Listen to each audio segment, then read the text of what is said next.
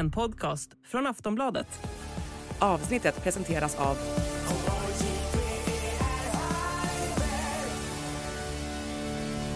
Stödlinjen.se, åldersgräns 18 år.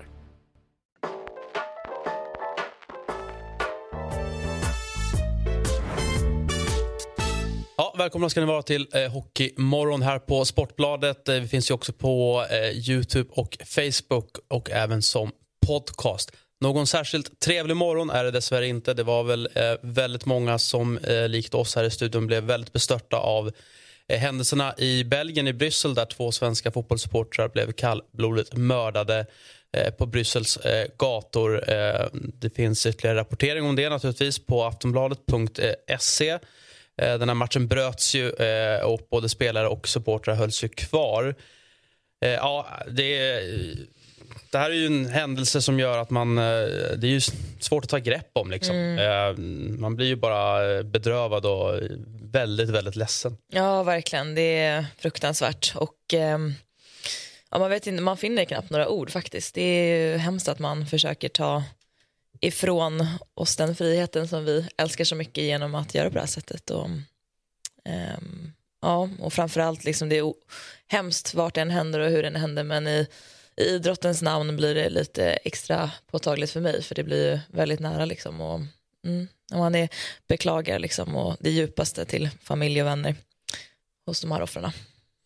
Ja, man kan ju bara skriva under på det. Det är ju eh, nej, det är sorgligt såklart och det känns lite konstigt att sitta där och snacka hockey några, dygn, eller några timmar efter men eh, det måste ändå liksom, man måste ändå kunna gå vidare på något sätt. Livet måste fast- gå vidare. Ja, Så är det. Och även eh, sporten. Eh, Ja. Som har, är en stor del av, av mångas liv naturligtvis. Man funderar ju på om, om man som svensk vågar ha någon Sverigesymbol på sig utomlands. Alltså, ja här, det eh, känns som att man blir nästan en måltavlan när man är utomlands. Mm. Mm. det kommer att bli en diskussion ett, ett tag framöver hur, hur det kommer bli med resor med landslag och liknande, tror jag. Det tror jag med. Och det är också hemskt i, i nästa steg om man tänker sig att man ska behöva börja begränsa sig och, och anpassa sig och tänka utifrån från de liksom, principerna. Men det, det är realiteten så som den ser ut just nu. Så är det. Eh, våra tankar naturligtvis med de drabbade. Eh, vi ska ta oss vidare i, i programmet. Eh, vi kan väl nämna igen då att ytterligare rapportering finns på aftonbladet.se kring den här händelsen. Eh, vi tar oss till eh, ishockeyn som ändå har spelats eh, och Thomas Ros som är nyligen hemkommen från Schweiz Eh, där du fick se ett jämnt möte mellan Bern och Servette med, och här blir man ju intresserad, världens största ståplatsläktare. Mm. De har ju en eh, helt underbar arena där i Bern. Eh, jag var där på hockey-VM 2009, det var första gången jag fick se den arenan. Och de, det är ju lite folkets lag i Bern. De rika i Bern, de, de går på Young Boys och kollar fotboll. De som arbetarklassen, de går på hockey och håller på sitt Bern då. Eh, Och Bern har valt att prioritera ståplatspubliken som har gjort en, en hel långsida. Övre delen av långsidan är liksom en, en ståplats. Eh, genuint häftigt eh, och eh, Är det en ståplats på riktigt så att säga eller är det bara att folk väljer att stå över sittplatser? nej, det, är, det är bara, det är bara liksom, ja, det, är en, det, är en, det är en rå ståplats. Man säga, liksom. det finns inte, om vi ser bilderna där så har man ju sittplatser på, på nedre etage och sen övre etage är bara en gigantisk ståplats. Det går, mm. går ungefär in ett helt Skandinavium på den här ståplatsen. Va? Är det sant? 11 000 åskådare går in på ståplatsen. Shit. Ja, med tanke på hur det ser ut på svenska arenor, är det någonting som Sverige kan gå tillbaka till tycker du? Ehm, jag hade med mig Jimmy Wikström, då. han är ju för Karlskoga. Han, han påpekade direkt att hela Karlskoga är ju typ en hel ståplatsläktare. Eh, eh, ehm, jag tror att vi i Sverige har ju gått mot en, mot en väg där vi vill kanske vara mer kommersiella, eh, tänka loger, tänka sittplats, ta ut så mycket pengar som möjligt för, för en, en sittplatsbiljett. Ehm, jag tror inte vi kommer gå dit, men det var härligt att se hur de prioriterar liksom, ståplatsen där. Mm, och det verkade också vara bra tryck i, i plånböckerna med tanke på det som såldes då under den här matchen. 12 000 öl, 2 000 bärezipfel, det är alltså någon eh, lokal vurre. 1800 hamburgare, 700 vanliga korvar. Alltså så här, det låter som att de tjänar lite pengar på sån här match. Ja, men det är ju det som är unikt med Bern. De, an, många andra schweiziska lag går ju runt på att de har en finansiär som stoppar in pengar hela tiden. Men Bern går runt på att de tjänar väldigt mycket pengar på att genomföra hemmamatcher. Eh, och ja, du ser ju ölförsäljningen. Det kostar en öl 6 schweizerfranc. Det var liksom nog det billigaste jag såg på hela resan. Och det vad ligger innebär den fortfarande runt 6 kronor? Eller? Nej, nej, nej. Den har gått upp. Den ligger i 12. Ja, det är 12! Ja, Dubbla. ja, chocken. Jag är ju, ja. men jag är ju gammal, jag sålde ju stålar, brukar jag säga, eller det gjorde jag ju, eh, på Arlanda. Eh, Det var ett av mina första jobb. Eh, så att jag, jag, jag kan ju alla kurserna i huvudet. Den ligger Från 12. den tiden, det är 15 år sedan. Schweizerfrancen ligger i 12 idag. 12, okej. Alltså att, eh, det billigaste då var runt eh, 75 spänn då kan man väl säga. Ja, Om det kostade Jag 6. köpte en Cola Zero och den här um, spe- speciella bärnkorven. Det kostade 179 kronor i svenska kronor. Folk Men den klagar hade på kost- hovets priser. Ja, men den har ju kostat halva priset om det var när du, när du jobbar på Forex. Så var det. Mm. Det kan var faktiskt inte, med. det, var, det, var, det var exchange hette de på den tiden. Så att Forex var, fi, det var fienden. De gillade vi inte. Ja, det var vansinnigt dyrt, måste jag säga. Man, man garvar när man fick kvittorna. Ja, Men var det bra drag då? Eh, Helt okej.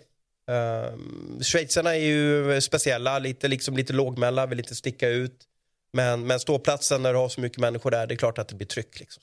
Mm, mycket tröjor, mycket merchandise. Säljs det sånt också? In, inte så mycket. Nej. Jag tänkte ska jag köpa till mitt barnbarn en tröja, men jag hittar liksom ingenting riktigt. Utan de går runt på försäljningen. Mm. eh, och, och ja, men det är klart, man, om man har, de, har, de har ju 18 år i rad har, har de haft Europas högsta publiksnitt. Oj. Snittar aldrig under 15 000 där redan imponerande. Eh, det var dock inte anledningen till att du var där för att käka korv och dricka eh, dyr läsk. Eh, utan du var där för eh, att få eh, den första exklusiva intervjun med Adam eh, Reideborn. Vi ska inleda med att kika på ett eh, klipp eh, på den här intervjun som publicerades igår. Februari 2022, OS genomförs i Kina och Adam Reideborn har förmånen att dra på sig Tre Kronor-tröjan och representera Sverige i OS. Då var han hyllad. Därefter utbröt Rysslands angreppskrig mot Ukraina och Adam väljer att fortsätta karriären i Ryssland vilket har väckt oerhört starka reaktioner. Vi har åkt ner till Bern för att som första svensk media prata med Adam. Varför fortsatte han? Alltså, alla får tycka vad de vill. Eh, det inte, ser inte bra ut att vara där, Nej. kan jag förstå. Men, men min kontraktssituation var så att jag ville inte chansa. Eh, jag är hockeyspelare, jag, jag ville spela hockey. Eh, jag visste inte vad som skulle hända om jag inte, om jag inte kom dit, om jag bröt kontraktet och de inte tillät det. Och, vem vet vad som skulle kunna hända. Så att, eh, jag åkte tillbaka och, och spelade ut mitt kontrakt. Och, Sen fick jag ta, ta konsekvenserna efter det, vad som skulle kunna ske i framtiden. Precis. Eh, det var en liten del av, av intervjun. Eh, vi ska se lite mer eh, lite senare här i Hockeymorgon.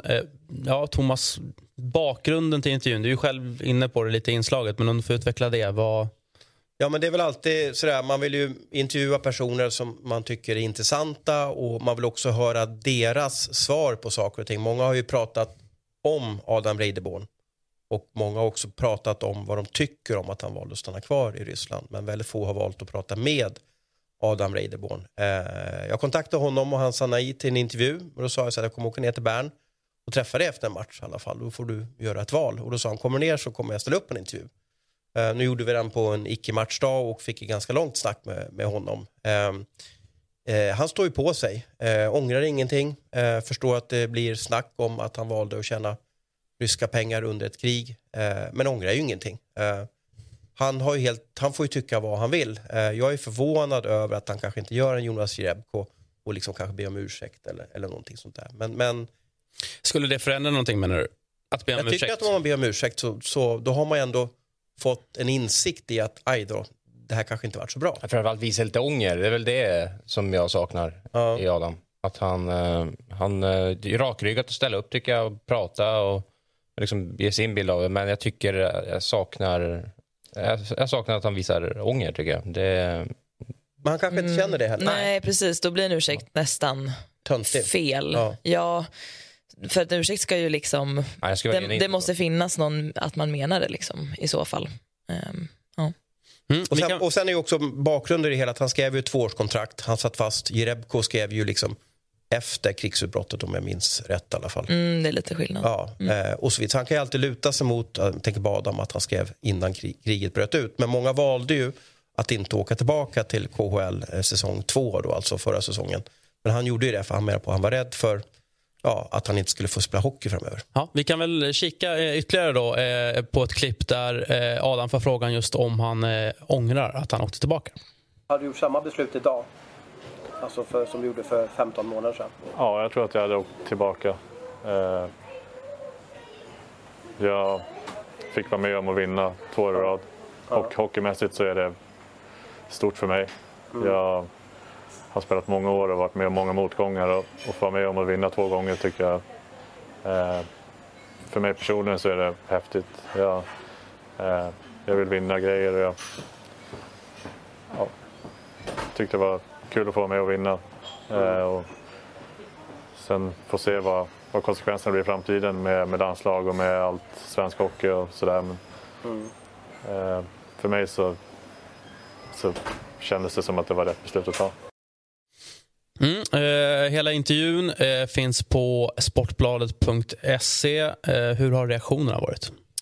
Ja, jag tömde mejlen igår kväll och det var väldigt många intressanta mejl. Eh, Många vill ju att eh, man ska hugga ihjäl honom i stort sett.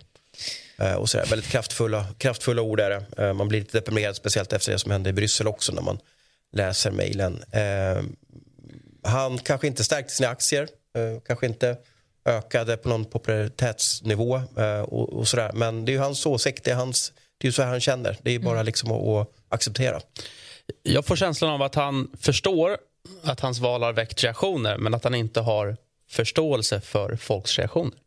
Mm, svårt att säga utifrån den intervjun. Jag tror att mycket av hans argumentation utan att han har sagt det rakt ut bygger på att eh, han gärna vill hålla isär idrott och politik. Och att det ligger till grund för mycket av eh, hans känslor. Men det man kanske missar i det här fallet är ju att CSKA Moskva själva används väldigt politiskt. Ja, det Och- arméns lag. Exakt. Har man den lyxen som, som idrottare att kunna separera idrott och politik? Alltså, jag är av åsikten att det inte går för att idrott används politiskt åt alla håll och kanter hela tiden. Sen så är det bara frågan åt, åt vilket håll det är och vad man tycker är rätt och fel. Men, men inte i det här alltså, läget. Vi vet ju liksom hela inblandningen kring Fifa och Uefa och hur det används politiskt åt det hållet. Och i det här fallet så, så tvättar man ju det ryska ryktet med att man har ett idrottslag som, som presterar bra och utländska spelare som väljer att spela där. Ehm, så det, det är ju ändå på något sätt fastställt som fakta. Skulle Kan, kan man ha någon förståelse för att en idrottsman har sina år på sig att tjäna pengar, att det finns ekonomiska incitament, att man själv liksom inte är i den situationen, att, att man ställs inför ett sånt val? Alltså att man är liksom hela tiden här utomstående och kritiserar en person som är i en unik situation. Liksom.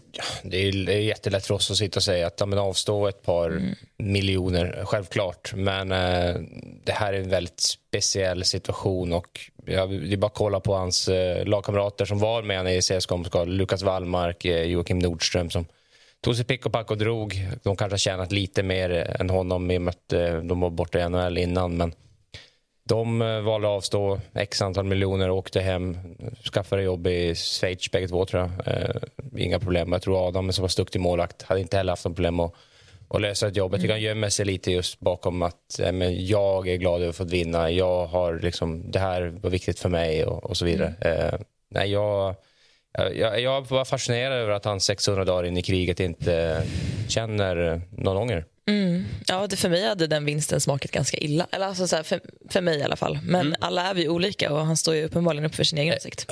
Avslutningsvis innan vi ska gå vidare i programmet, har han någon framtid i, i en SHL-klubb eller i landslaget? tror kanske inte, alltså ännu mindre efter den här intervjun tror jag för att eh, det kanske inte stärkte hans aktier. Eh, för att ge lite näring till alla eh, Raiderborn haters kan jag väl berätta att eh, han sa också att han inte fått ut alla pengar från ja, CSKA. Så att då kanske några hemma i stugorna där tycker att ha, det var väl bra i alla fall. Ja, nej. Jag vet Nej, jag tänkte, du behöver kanske inte reagera på just det. Jag tänkte på framtiden i, inom svensk hockey. Är han liksom non grata här nu? Ja, bra att kolla hur det var i... Alltså Kenny Augustino som skrev på för Skellefteå. Eh, Det blev ju en ruskig storm. Jag tror ingen klubb kommer våga, våga sig på eh, helt enkelt eh, ens att ta i honom med tång. Så är det. Vi eh, tackar för intervjun och eh, meddelar återigen att den finns i sin helhet alltså på sportbladet.se. Cool fact a crocodile can't stick out its tongue. Also, you can get health insurance for a month or just under a year in some states. United Healthcare short term insurance plans, underwritten by Golden Rule Insurance Company, offer flexible, budget friendly coverage for you. Learn more at uh1.com. Vi tar oss vidare i Hockeymorgon eh, och vi ska göra det med en eh, ja, mycket speciell vändning i mötet mellan Frölunda och HV71. Vi säger god morgon eh, och välkommen till Hockeymorgon. Max Friberg som i allra högsta grad var tongivande i den här vändningen då med två mål och två assist. Till att börja med då Max, hur hamnar man ens i underläge med 0-4 på hemmais efter bara en period? Ja, nej, det kan man fråga sig. Det um, inte den bästa starten av chanserna gick väl åt bägge hållen egentligen tror jag, men uh, de var skarpare och vi var uh, lite slappa och uh, svaga i egen zon helt enkelt. Så att, ehm, det var ja, dels offensivt skickligt HV, men att vi var, vi var väl inte riktigt på tårna i egen zon heller får jag säga. Du behöver inte ge oss alla detaljer, men Omklädningsrummet i första pausen. Vad säger Roger Rönnberg och vad säger du då? Nej, var framförallt, jag hade faktiskt jag var tvungen att ta Simor efter första och förklara vad det var som verkligen hade skett. Och det, det var ju svårt att kanske förklara men när jag kom tillbaka så hade, eh, så hade redan grabbarna hållit ett bra snack och jag tror att Lasse Johansson var högst delaktig i det, eh, målvakten.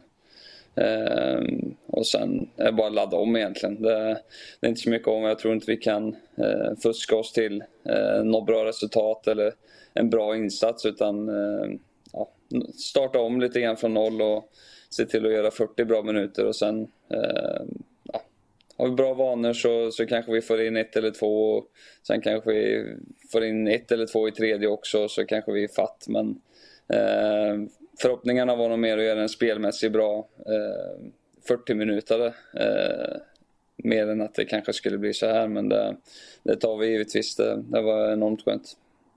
Eh, du pratar ju om eh, bra vanor och sådär och, och eh, att ni gjorde saker annorlunda i andra. Men vill du lyfta fram några nyckelsaker som du kände var liksom anledningen till att ni faktiskt vände, vände på matchen spelmässigt? Jag tror vi alla kände att eh, alla slöt upp mot det vi ville göra. Och jag menar, det viktigaste på något vis, det låter ju konstigt kanske när, när man ligger under med 4-0, men det viktigaste är att det där femte målet inte kommer.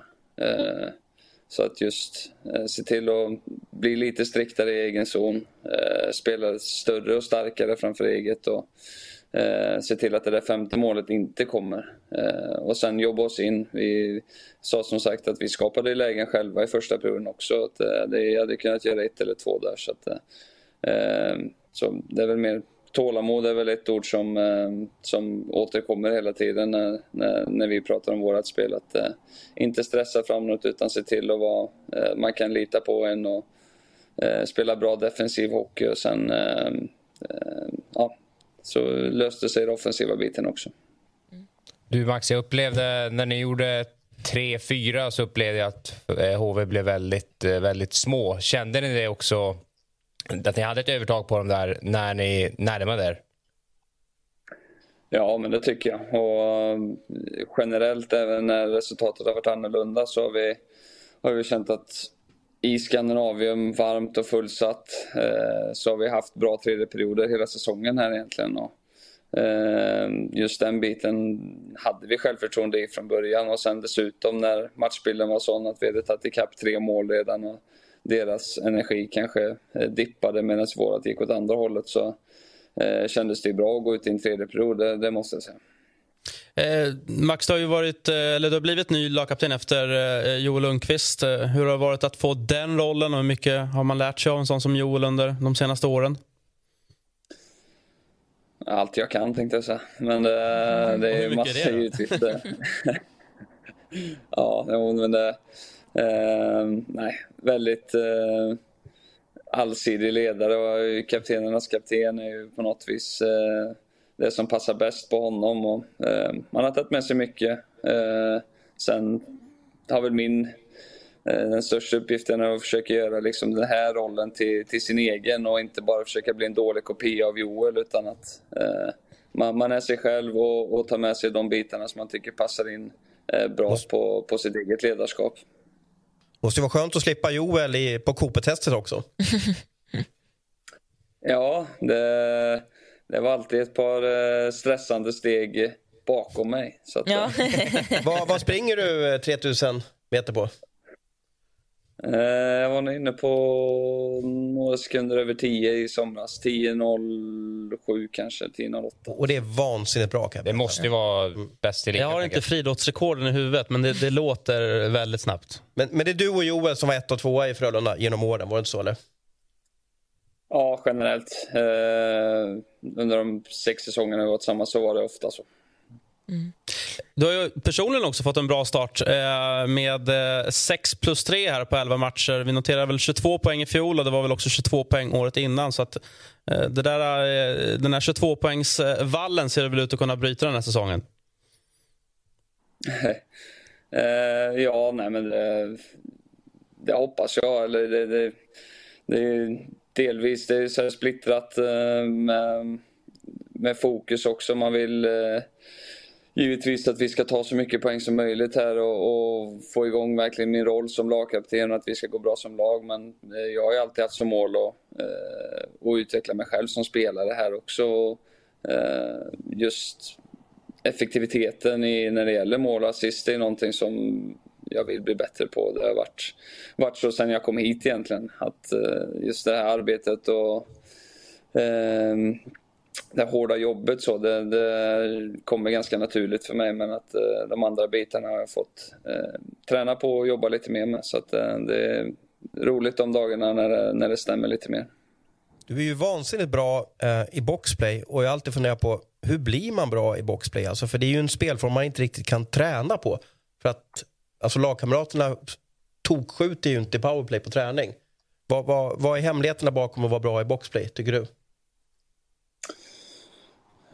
Inställningen är nog steg ett skulle jag säga. att eh, Du vill ju göra vad som helst för att motståndaren inte ska dels få några enkla chanser och definitivt inte göra mål. Det, eh, har du den då, då kommer du en bra bit och sen givetvis som vi har här har vi ett bra system också tycker jag.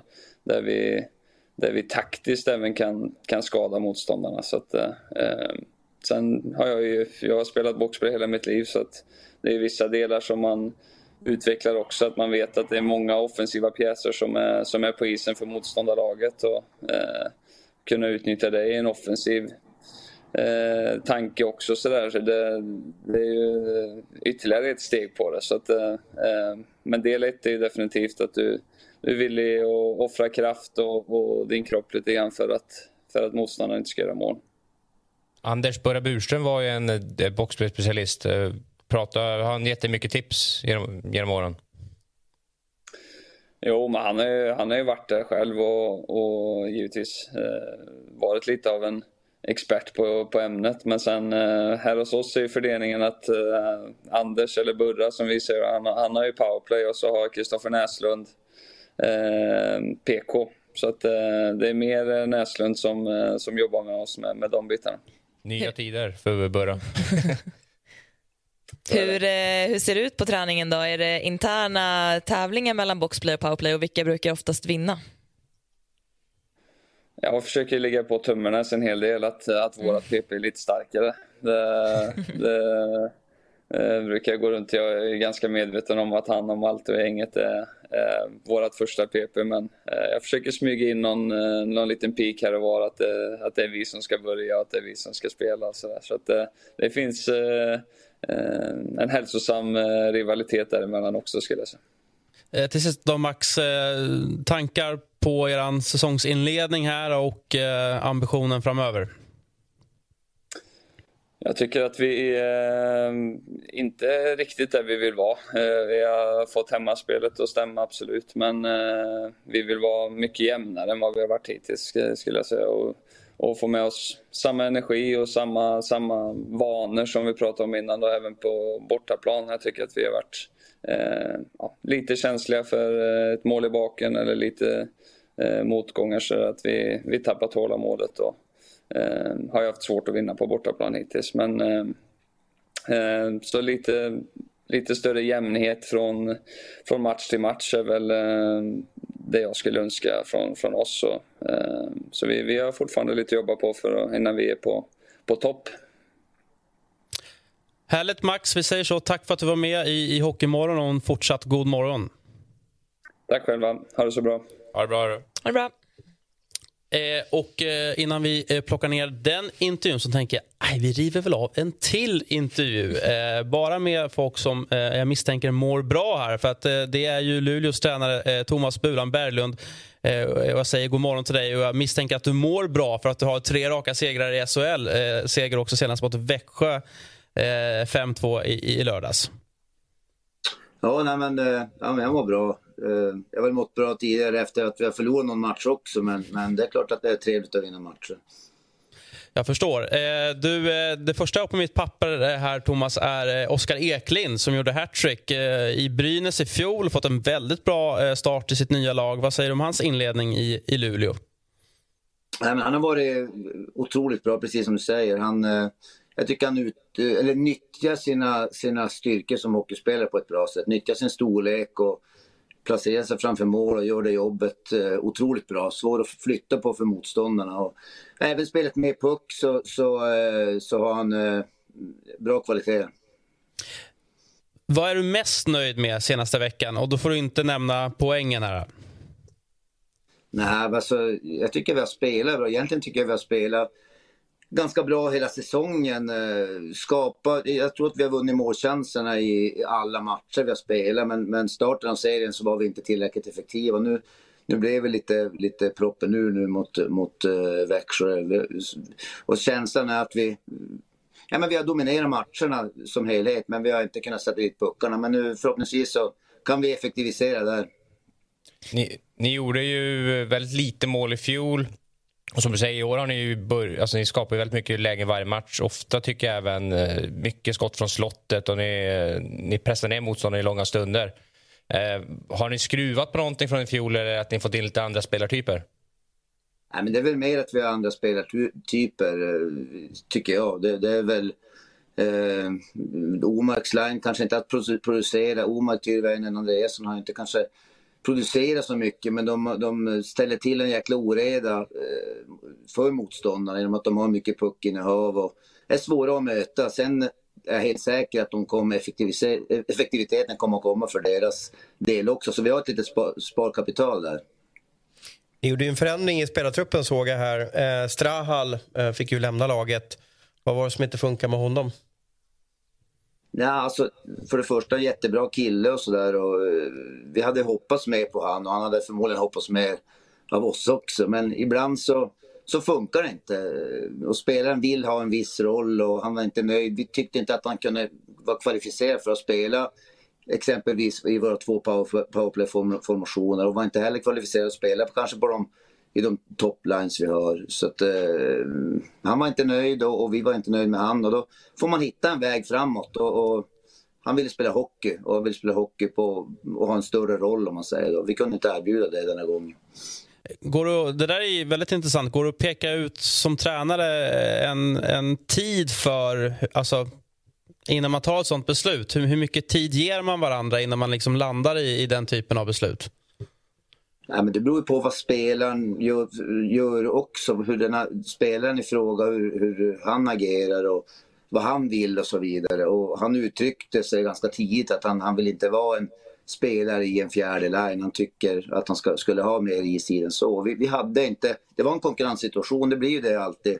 Eh, det var andra spelare som vi tyckte var bättre. Eh, men han kämpade och jobbade och hade ett bra humör och det ska, det ska han ha cred för. Det var inga tjurigheter och så utan mer att han han var inte nöjd med sin roll och, och vi var inte heller nöjda med, med, med, det vi hade, hade sett av honom. Och till slut så hittade vi en lösning. Och tiden man ska ge för det, det är ju liksom, det har ju, det är svårt att säga. Samtidigt vill man ju att spelare som inte spelar upp på den nivå de, vi, vi, vi vill och som de vill att de ska kämpa vidare och gnugga och, och köra på och till slut kanske hitta den nivån. Såg du redan på försången att nej, han kanske inte har det? Nej, men jag tyckte han, han, man ser det är en skicklig spelare, snabb spelare och så, men, men han kanske inte hade... Nej, men, om man säger så här, det blev en konkurrenssituation. Han, han, han klarade inte av den konkurrensen. för att vara tydlig. Om man ska gå till dig som, som ledare då, och om du vill utveckla lite mer kring ditt, eh, din ledarstil och din, liksom, hur du vill spela hockey. Du har varit i, i Luleå i sju år. Hur jobbar man långsiktigt med att vara huvudtränare i en förening och eh, hur ser du framåt?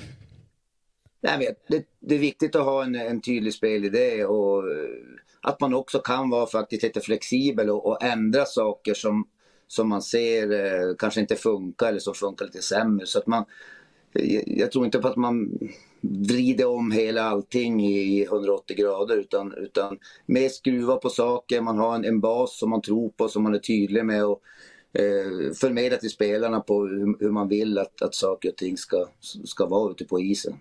Och det blir en långsiktig process, det blir någonting som blir löpande under hela säsongen. Att man försöker addera bra saker och ta bort dåliga saker hela tiden. Vi noterar också att Luleå släpper in lite mål. I nio av de senaste tio matcherna så har det inte varit mer än två mål i baken. Eh, det är Ward med sex matcher, eh, Lassinantti med fyra. Eh, är det fortsatt delad speltid som gäller här eller kommer en etta att växa fram? Nej, det, jag tycker att de har varit bra båda två. Och, så länge båda två visar att de har hög kvalitet så, så kommer nog båda två stå. Det är grundtanken. Du har ju utgående kontrakt, men du har väl ett, ett optionsår som kan kicka in. Hur ser du på din framtid? Ja, men det, det lämnar jag till, till eh, diskussioner inom föreningen. Hur ser den där optionen ut då? Det lämnar jag också till eh, interna diskussioner. Men du, du Bulan, eh, en sak som jag har tänkt på kring... Ni har ju haft väldigt bra powerplay inledningsvis, tycker jag. Två, två powerplay-linjer som har producerat. Mm. Omarks lina, den sväljer ganska mycket tid eh, samtidigt som den andra kanske har varit effektivare på slutet. Hur, hur värderar du där, när, alltså i istiden, när, när liksom jag gissar att domaren vill, vill spela ganska mycket samtidigt som de andra producerar? Hur, hur går diskussionen? Nej, men det, det är ju så. Det är, det är samma sak där. De, eh, jag tycker båda, som du säger, båda linesen har varit effektiva. Och Omas line har ju, har ju börjat de flesta gångerna. Men eh, det är klart att det i slutändan handlar om eh, vem, vilka som är effektivast och så. Det, är inte, det behöver inte alltid vara så att Omax Line börjar spela boxplay, eller börjar spela powerplay, men, men nu har det varit så. Och det funkar bra. De andra kommer in, när de har kommit in har de gjort, haft väldigt bra effektivitet. Så att det är glädjande att ha två lines som, eh, som, som fungerar. Sen vem som börjar, ja vi får se vad, över tid var det, vart vi hamnar där. Du vågar ju inte bänka Omark, eller hur? jag vill inte bänka Omark för det är en grymt bra spelare. Även om man inte haft liksom produktionen nu tipptopp som man kanske förväntar sig så, så skapar han en jäkla oreda hos motståndarna. Och jag är helt säker på att deras förberedelse inför matcherna handlar mycket om hur de ska handskas med han och bara där så är det mycket vunnet. Eh, Thomas eh, Färjestad väntar på torsdag. Eh, tankar kring eh, den fighten? Eh, ja, men Färjestad är bra. De har börjat bra och det är ett bra lag. De har bra, bra roster, eh, men bra spel allmänt också. Så det är en tuff match för oss. Och, men vi är i bra form och, och ja, ja, vi kommer att gå för seger. Jag tror att vi, vi, jag tror att vi kommer att vinna den matchen, men, men all respekt för motståndet. Det är en rolig vecka med både Färjestad och Skellefteå men jag gissar att du inte vill ge bort handikapp direkt som ni gjort i många matcher, att ni inleder med 0-1?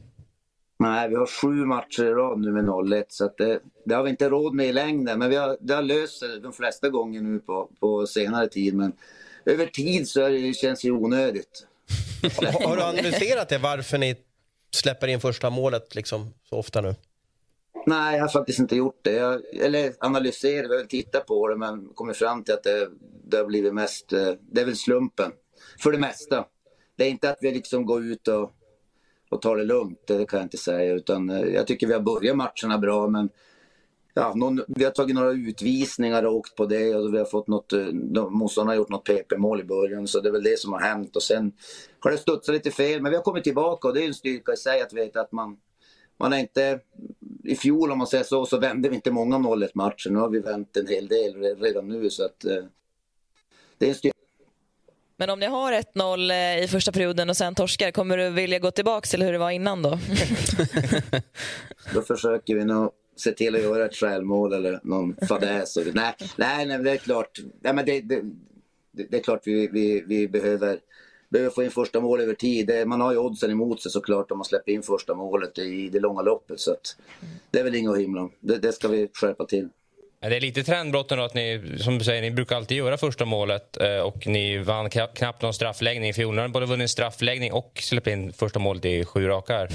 Eh, nya tider. Ja, nej, men det är nya tider. Vi har ett bättre lag i år. Det, det är ett bättre manskap. Det, det är inget att hymla om. Och vi har större förhoppningar det här året. Än, eh, vi hade förhoppningar förra året också, men det slog inte väl ut. Eh, eh, I år ser det bättre ut och vi har, vi har ett bättre lag. Och det, det, jag tycker att det är det som är, i stora drag, är det som det, som, det, det handlar om. Hur öppen och flexibel är både du och Omark på att liksom hitta en ny roll? Säg att man inte skulle producera alls som man hade tänkt den här säsongen för Omarks del. Hur viktigt är det då att kunna hitta och acceptera en eh, ny roll för en sån spelare? Nej, alltså, han, be- vi behöver inte hitta någon ny roll till han. Omark är Omark och han, som jag sa tidigare, han har, han har eh, produktionen för deras line kanske inte har varit vad vi hade hoppats på men å andra sidan så gör de ett grymt jobb och, och eh, ställer till med en hel del oreda. Jag är helt säker på att de har överlägset mest, mest zontid i, i offensiv zon eh, av alla linor i hela serien. Så att, så länge de har det. De har dessutom inte släppt någonting bakåt. Så att, och när de är i anfallszon så släpper de ingenting bakåt. Och det är jobbigt för motståndarna att möta sådana spelare som är så duktiga på att hålla i pucken också. Men jag är helt säker att produktionen kommer att komma där, men vi får ge dem lite tid. Ja.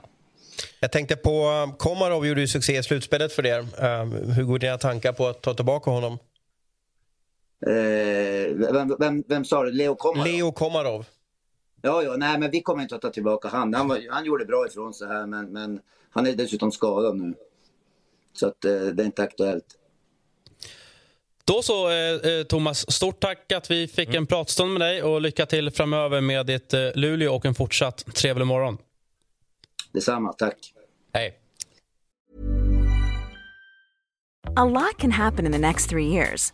Like a chatbot may be your new best friend. But what won't change? Needing health insurance. United Healthcare Tri Term Medical Plans are available for these changing times. Underwritten by Golden Rule Insurance Company, they offer budget friendly, flexible coverage for people who are in between jobs or missed open enrollment. The plans last nearly three years in some states, with access to a nationwide network of doctors and hospitals. So, for whatever tomorrow brings, United Healthcare Tri Term Medical Plans may be for you. Learn more at uh1.com.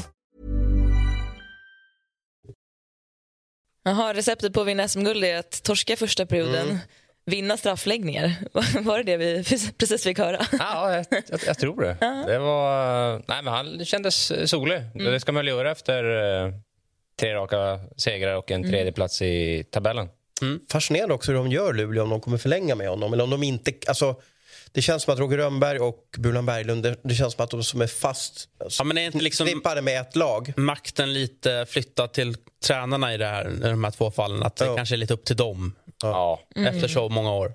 Ja, känner jag. värdet i den långsiktigheten och den, det man har byggt upp, även om det inte har lett till eh, några guld, så, eller i Luleås fall då, är det väl inte va? Nej. Han har inte något guld med eh, Luleå. Exakt. Så, så tror jag att man värderar det ganska högt och hoppas att det kommer komma så småningom. Enda plumpen under Bulans tid är ju fjolårssäsongen med en tionde plats. Annars så är de ju liksom stabila, sp- stabilt topplag. Så att, eh, jag har svårt att säga att vill han så kommer han vara kvar. Nu kom ju intervjuerna tätt in på varandra. Jag hade en, en passage nämligen eh, efter eh, Frölundas eh, eh, vändning mot HV. Klassiska vändningar. Så läste jag vad det var och så var jag på mycket sämre humör. HVs klassiska vändning.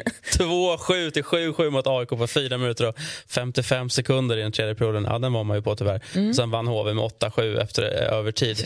Eh, minns, minns vi den här eller? Eh, när var det sa du? 2000? 2011. Nej, Du har förträngt. då har jag Jag var på matchen. Ja. Ja, det var det. Eh, Och, och eh, vi förberedde oss alltså liksom i tredje perioden att gå ner liksom och och vara beredda att möta spelarna efteråt. Jag, jag stod och såg liksom samtliga HV-mål nere vid sargen. Och jag såg ju hur, hur liksom livrädd AIK-keepern var. Att varje skott kändes som att det blev superfarligt. Nej, var, jag, jag var ju där. Varje skott gick i mål. Ja. Jag. Jo, men det det, var ju- var det- Marcus det fick- Svensson som stod. Det, fick ju, det, det blev ju en rädsla över Ja. att lägg pucken på mål bara. Han, han håller på att liksom darra som ett asplöv. Och han byttes inte ut va? Nej, det, det var ju Viktor Fast som var febersjuk. Eh, och eh, Då hade AIK bara en 18-årig, eh, då på den tiden oprövade tredje keeper Niklas Lundström. Så att, eh, han, fick, eh, han fick vackert stå kvar. Eh, Men det, var, det är bland de mest bisarra fem minuterna jag upplevt faktiskt på en idrottsarena. Vi har ju en färskare sån AIK-vändning tyvärr, så vi kan avhandla lite senare. Senast här för några dagar sedan. Ja, precis. Det var den jag hade i huvudet. Mm. Ja, nej. Jag vill inte ens börja. Nej. Vi ser, vi, ser, vi ser om vi tar oss dit, Johanna. helt enkelt. Eh, vi ska titta på eh, resultaten. Eh, och eh, Eh, de är från lördag, eh, den 14 oktober där vi noterar ett par hemmasegrar inledningsvis. Och eh, dessutom då Malmö och Luleå som vinner på bortaplan. Vi har tabellen dessutom. Och den ser ut enligt följande där vi har lag på 10 respektive 11 spelade matcher. Färjestad fortsatt i topp och Oskarshamn fortsatt i botten. Och så nästa omgång som kommer här. Och vad plockar vi ut här från eh, den här härliga samlade torsdagshockeyn? Ja, men det blir ju superspännande med både lite toppmöte i Luleå-Färjestad och lite bottenmöte i Leksand-Oskarshamn skulle jag säga. Ja, det var exakt de jag pinpointade också. Eh, Leksand och Oskarshamn är ju intressant. Man tycker att Leksand fått en okej start på säsongen, men de, de har ju bara 12 poäng. eh. Mm. Och den matchen är ju viktig.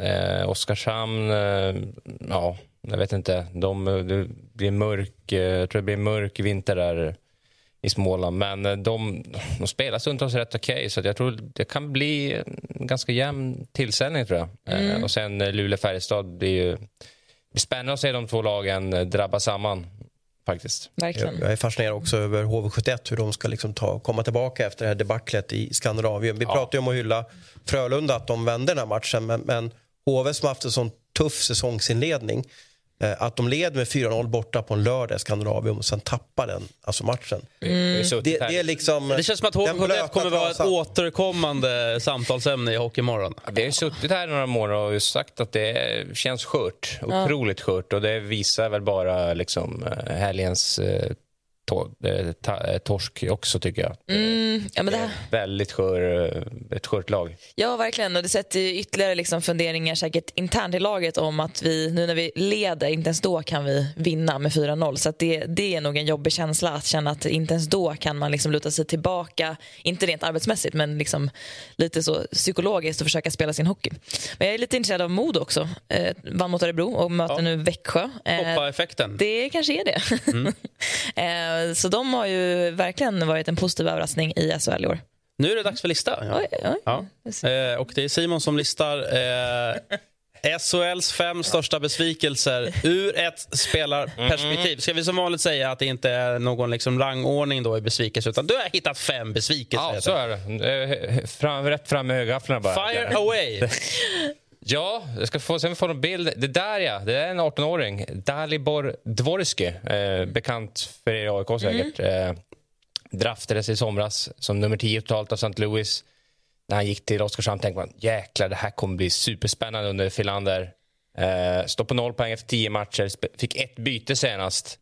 Och jag har svårt att säga att han blir kvar i, i, i Småland mycket länge till. De är ju dessutom i ett läge att det går ju typ inte att spela in honom nu heller. Alltså, så här, Läge då att Mm. kanske gå tillbaka och spela i en toppklubb i Hockeyallsvenskan då? eller? Ja, jag tror, inte, jag tror inte St. Louis sitter och gör vågen borta i, i staterna direkt. Utan, nej, det kommer nog jobbas på någon form av lösning där han måste, han måste spela hockey. Det, så att, och jag tror i Oskarshamn, de har ju som sagt de har inte råd att liksom, matcha in honom och ge honom chanser. De behöver ta sina poäng här och nu.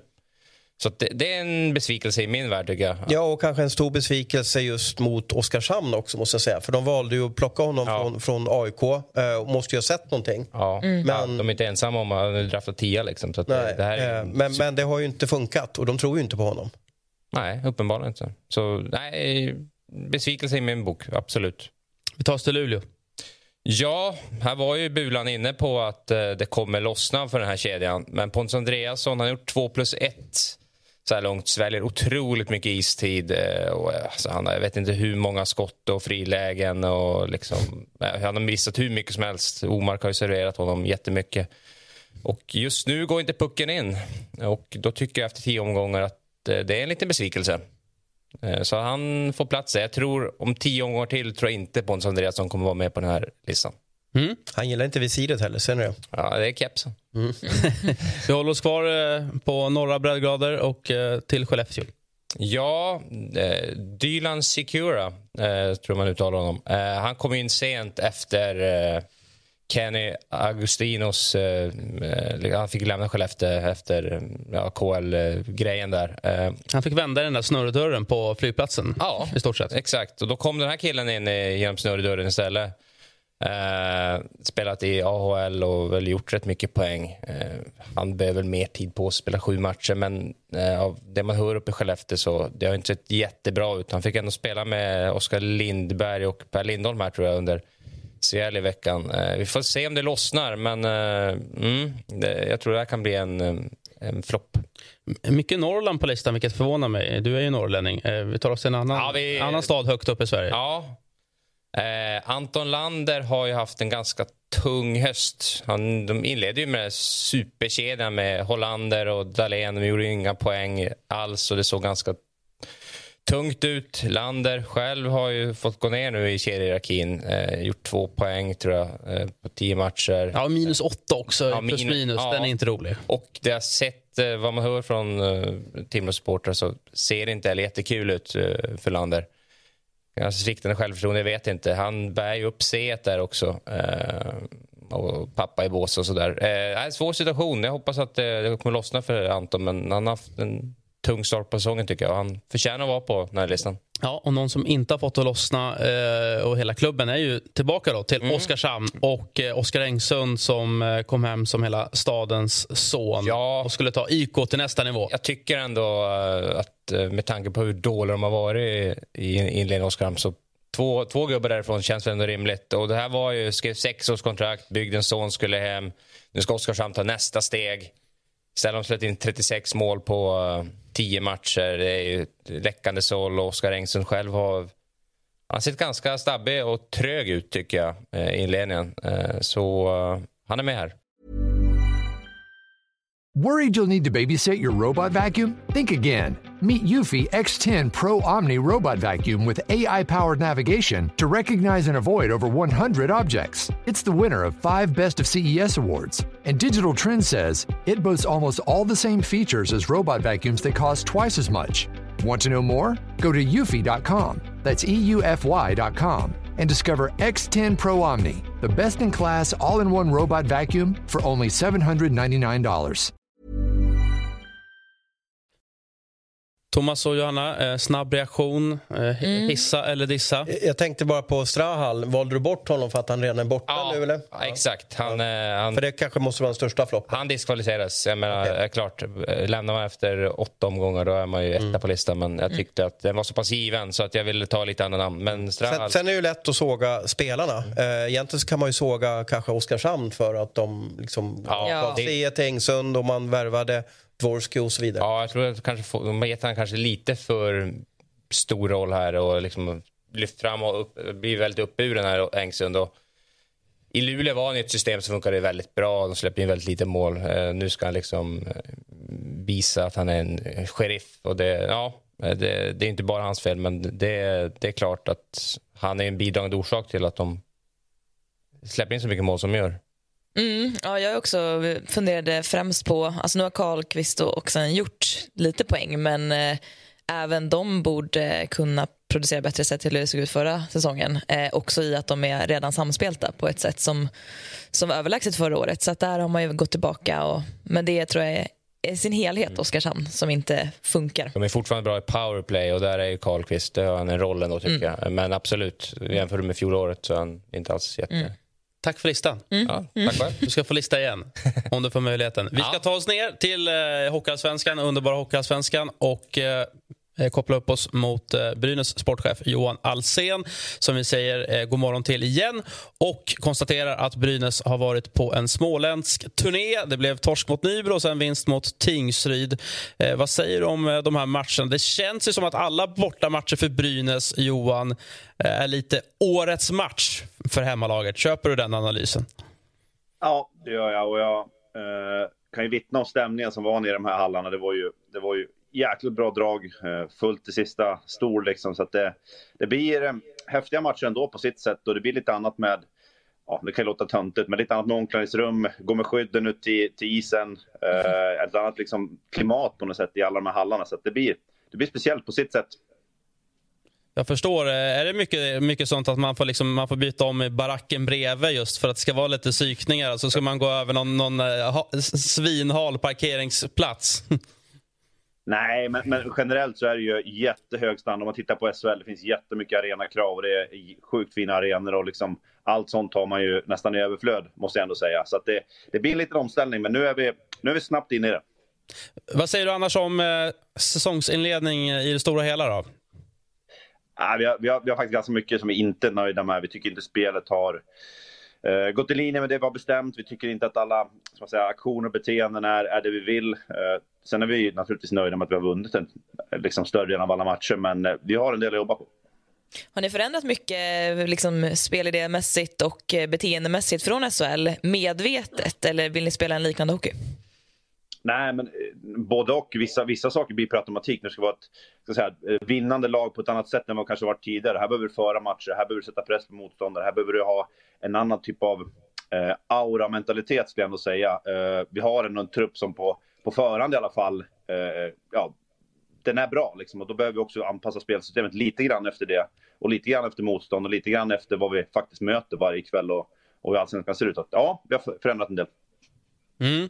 Eh, ur eh, eh, den positiva lådan då tänker jag på en sån som Anton Rudin som ändå kommer igång direkt här. Det är 12 poäng på sex matcher. Hur, hur viktigt är det för er? kanonviktigt och jag tror alla de här killarna som har ändå varit på SHL-nivå också, liksom kvalitativa spelare, att få dem att eh, få lite medvind, få något extra poäng, få liksom någon extra grej som känns lite bättre. Det kan ju också få exponentiell utveckling av det, att de känner att allting blir lite, ja, blir lite lättare på axlarna. Det känns lite roligare. Eh, så jag tror att det är ju en nyckel för oss att de här kommer igång. Eh, och sen då, sett till siffrorna, mindre smickrande. Det är ju målvaktsspelet just nu. Eh, Anders Lindbäck ligger på 87 procent eh, inledningen. Vad är det som inte stämmer då undrar jag, eh, försvarsmässigt ännu?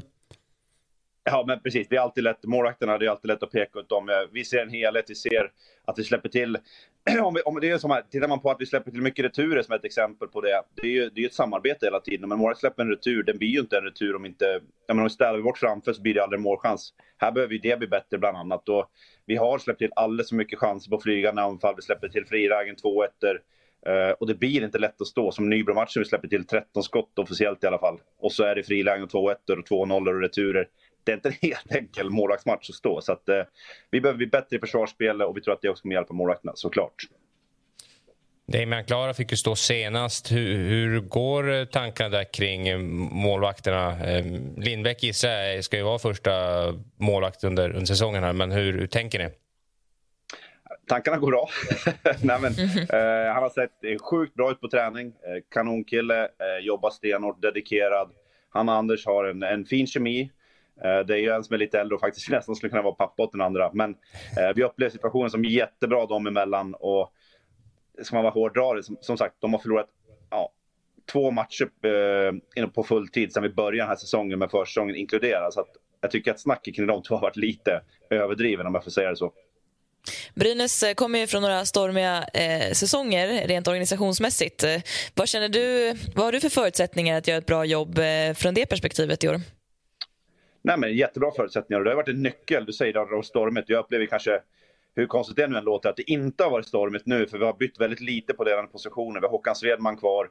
Eh, vi har större delen av styrelsen kvar. Större delen av kansli, liksom alla på ledande platser finns kvar. Så det har inte rört sig om så jävla mycket i hur vi liksom organiserar och det har varit en nyckel för oss. Jag tror att det har också hjälpt till att rekrytera spelare, att man inte ser att det är en jävla röra av allting. Det är inte kaos och det är när man vet vad man flyttar in det. Det är inte det är inte liksom frågetecken på alla platser och vad som händer och vad som gäller och vad som kommer bli.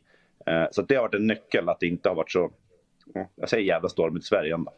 Mm. Och vad har ni för målsättning internt och kravställning från ledningen? Hur, hur lirar den med varandra och hur ser det ut framåt för Brynäs? Nej, men om man tittar, helt enkelt, vår vision är att vi, vi vill vara med och leda svensk hockey. Vi är ganska långt därifrån nu. Den frågan vi behöver ställa oss hela tiden, det vi gör nu, det vi gör imorgon, det vi gjorde igår, kommer det leda dit? Att, att vi når den visionen, att vi kommer närmare visionen. Och ett steg i det är också att ta oss upp till SHL igen. Eh, samma fråga där. Våra matcher, våra träningar, kommer de leda till att vi går upp i SHL? Eh, så att kortsiktigt är det den frågeställning som hela tiden finns. Eh, så att, eh, ja, om kravställande eller annat uppifrån, den visionen har Brynäs IF och Så är det bara, det är förhålla sig till det. Jag noterar dock att eh, publiken och engagemanget verkar vara hett i Gävle. Ni har över 6 000 på matcherna. Ni har dessutom eh, fått in en halv miljon kronor för, då för att signa den här 36-årige kanadensiska backen eh, Jordy Ben. Eh, berätta lite om det initiativet. Fick du in 36-åring också? 36 år ung sa du va? ja, alltså, så här, jag är ju lite äldre så jag säger definitivt att han är 36 år ung. ja. Nej, men just ekonomi, det, det låter de andra som kan det hålla sig till. Eh, eh, jag vet att eh, jag har ju levt och verkat i Brynäs sedan jag var 16, nästan hela mitt vuxna liv. Jag vet ju hur engagemangen, här, den här kraften och, och också kraven som finns i Brynäs. Jag har ju varit runt på alla hallar och ser fullsatta arenor nästan vart man än kommer, i alla fall på borta, borta klacken. Eh, så det här är ju ingen nyhet för mig, men man blir alltid lika glad och varm i kroppen när man, man ser det. Eh, så tacksam är man ju naturligtvis varje gång det sluts upp på arenor och man fyller en hemmahall här även i Allsvenskan. Så det, det känns jäkligt häftigt. Hur, hur, gick det till när ni värvade Ben? Var det klassiskt att ni fick ett mejl från en agent att de här spelarna vill till Sverige? Eller var det någon kompis-connection med Greg Scott? Eller hur, hur, hur fick ni namnet Ben till er? Nej, men egentligen, det här är ju något år tillbaks när han eh, var lite inne ute i Minnesota som vi, vi pratade en del med honom och naturligtvis så pratade vi med Greg också. Och eh, jag antar att han också pratar ganska mycket med Greg om Brynäs och vi pratade med Greg om Jordy. Sen har han spelat med väldigt många brynäsare och man gör lite hemläxa så ser man att det är ganska många omkring han också som har anknytning till Brynäs. Så här har vi gjort en ganska rejäl bakgrundscheck. Vad det är för person, eh, vad det är för typ av spelare. Så att det känns jättebra nu att han kommer in i laget. Han, han valde kanske Toronto för oss ett år sedan här också. Så att det kanske man får förstå. Uh, nu var han på Dallas PTO, men, men stjärnorna stod rätt. Uh, och då vart det av och uh, det var ingen agentlista, nej. Hur, hur, kom, hur kom han fixa hastigheten i Hockeyallsvenskan? Ja, han mötte McKinnon för, för en vecka sedan, så jag tror inte det blir något problem. Det är nog mer, det är nog mer kanske storleken på isen och positionsspelet. Liksom vilka, vilken situation går man ut i och hur hårt går man? Och det tror jag däremot kommer bli en omställning, det ska man ju vara och säga. Det, det är ju mycket större och det är helt annan isyta i positionsspel och, och vilka situationer och hur hårt man kan gå i dem. Uh, farten i sig, kan man möta McKinnon då, då klarar man av allsvenskan också i just den aspekten. Men positionsspelet och isen, absolut. Vad ska han bidra med eh, mest då? Ja, men, om vi ska liksom eh, på något sätt sätta, sätta en, en, en roll så är vi en backgeneral. Eh, vi vill att han, när, när det kommer viktigaste matcherna för säsongen, då vill vi att han är en av de bästa. Eh, jag tror att man vågar sträcka lite grann på sig när man ser att han är med i, i ledet på vägen ut till, till de matcherna som kommer vara avgörande för oss på, i slutet av säsongen. Och vi förväntar oss inte 100 poäng, vi förväntar oss en, en ledare i omklädningsrummet, ute på isen, vi förväntar oss att som sätter bra första pass, eh, kan äta många minuter. Sen, sen förstår jag också det. Han är inte inne i säsongen på det sättet. Även om han spelar träningsmatcher så är han nu ett par matcher efter. Så han kommer behöva tid att komma in i hockeyflåset. Nej, det klassiska. Det spelar ingen roll hur mycket man tränar på sommaren eller sådär. Utan det är när matcherna kommer som man, som man blir lite synad. Och där behöver man lite tid. Så det, det ska vi ge också. Hur, hur, går, hur går tankarna kring när han ska vara i, i spel? Eh, ja, tanken är väl att det är Migrationsverket som styr det helt. Mm. Vad, vilket tröjnummer får han? Åtta. Åtta? Okay. Finns, finns det några risker med att ta in eh, spelare mitt i säsongen eh, för den interna konkurrenssituationen och eh, hur hanterar man att det inte skulle funka i hans roll?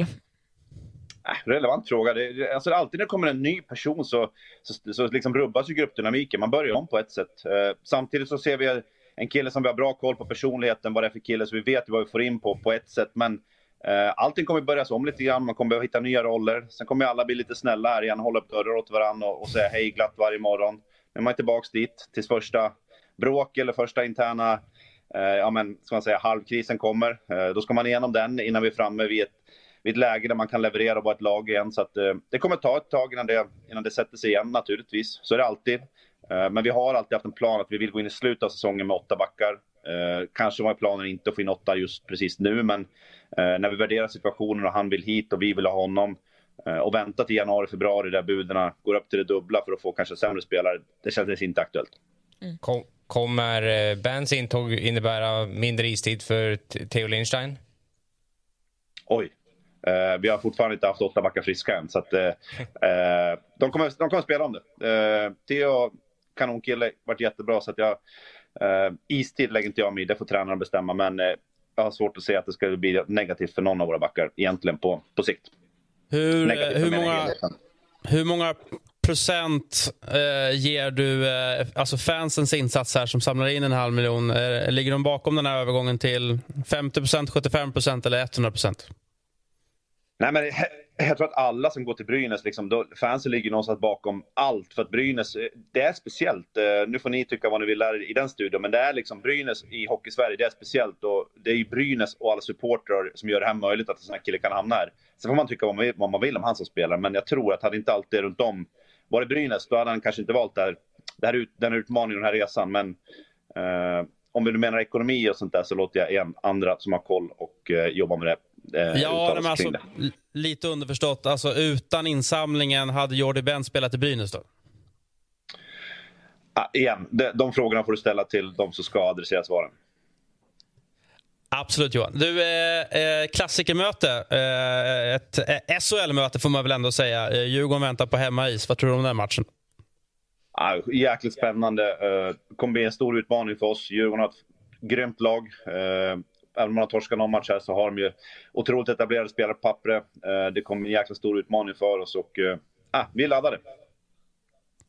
Stort tack eh, Johan. Eh, lycka till med sportcheferiet och eh, kommande matcher och en fortsatt trevlig morgon.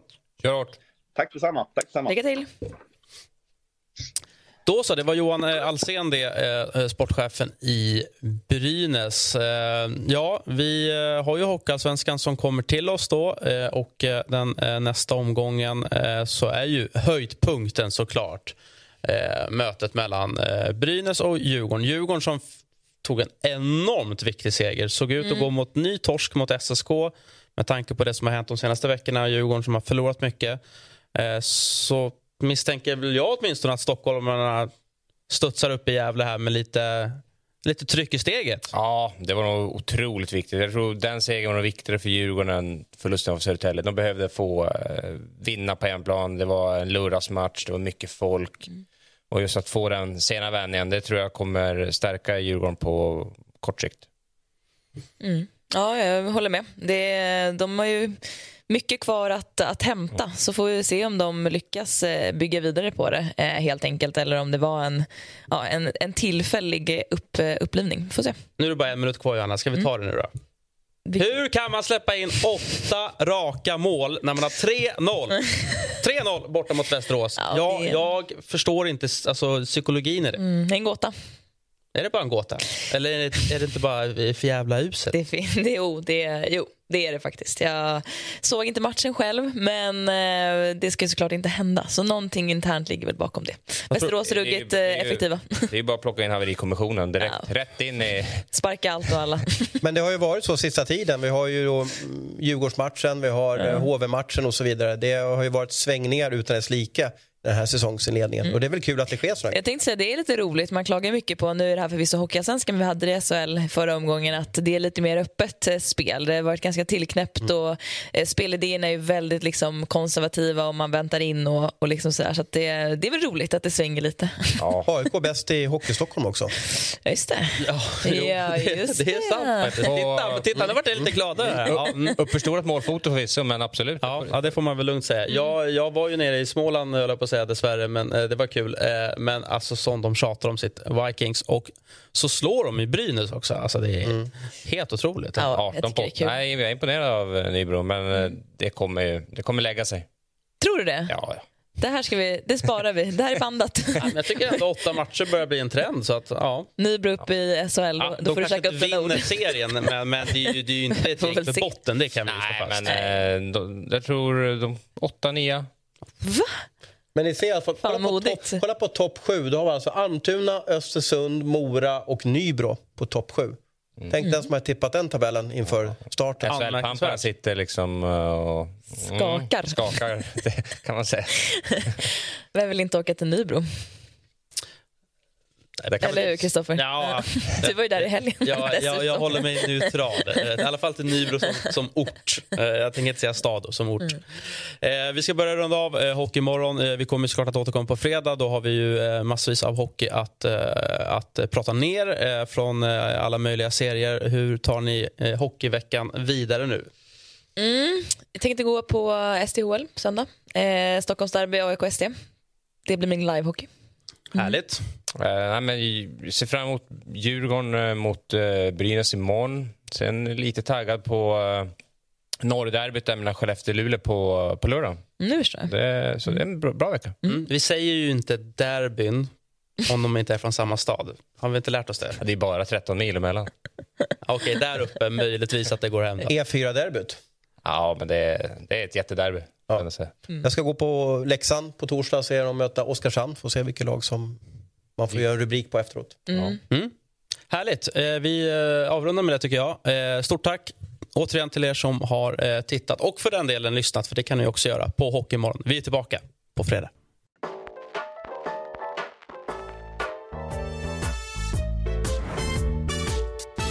Du har lyssnat på en podcast från Aftonbladet. Ansvarig utgivare är Lena K Samuelsson.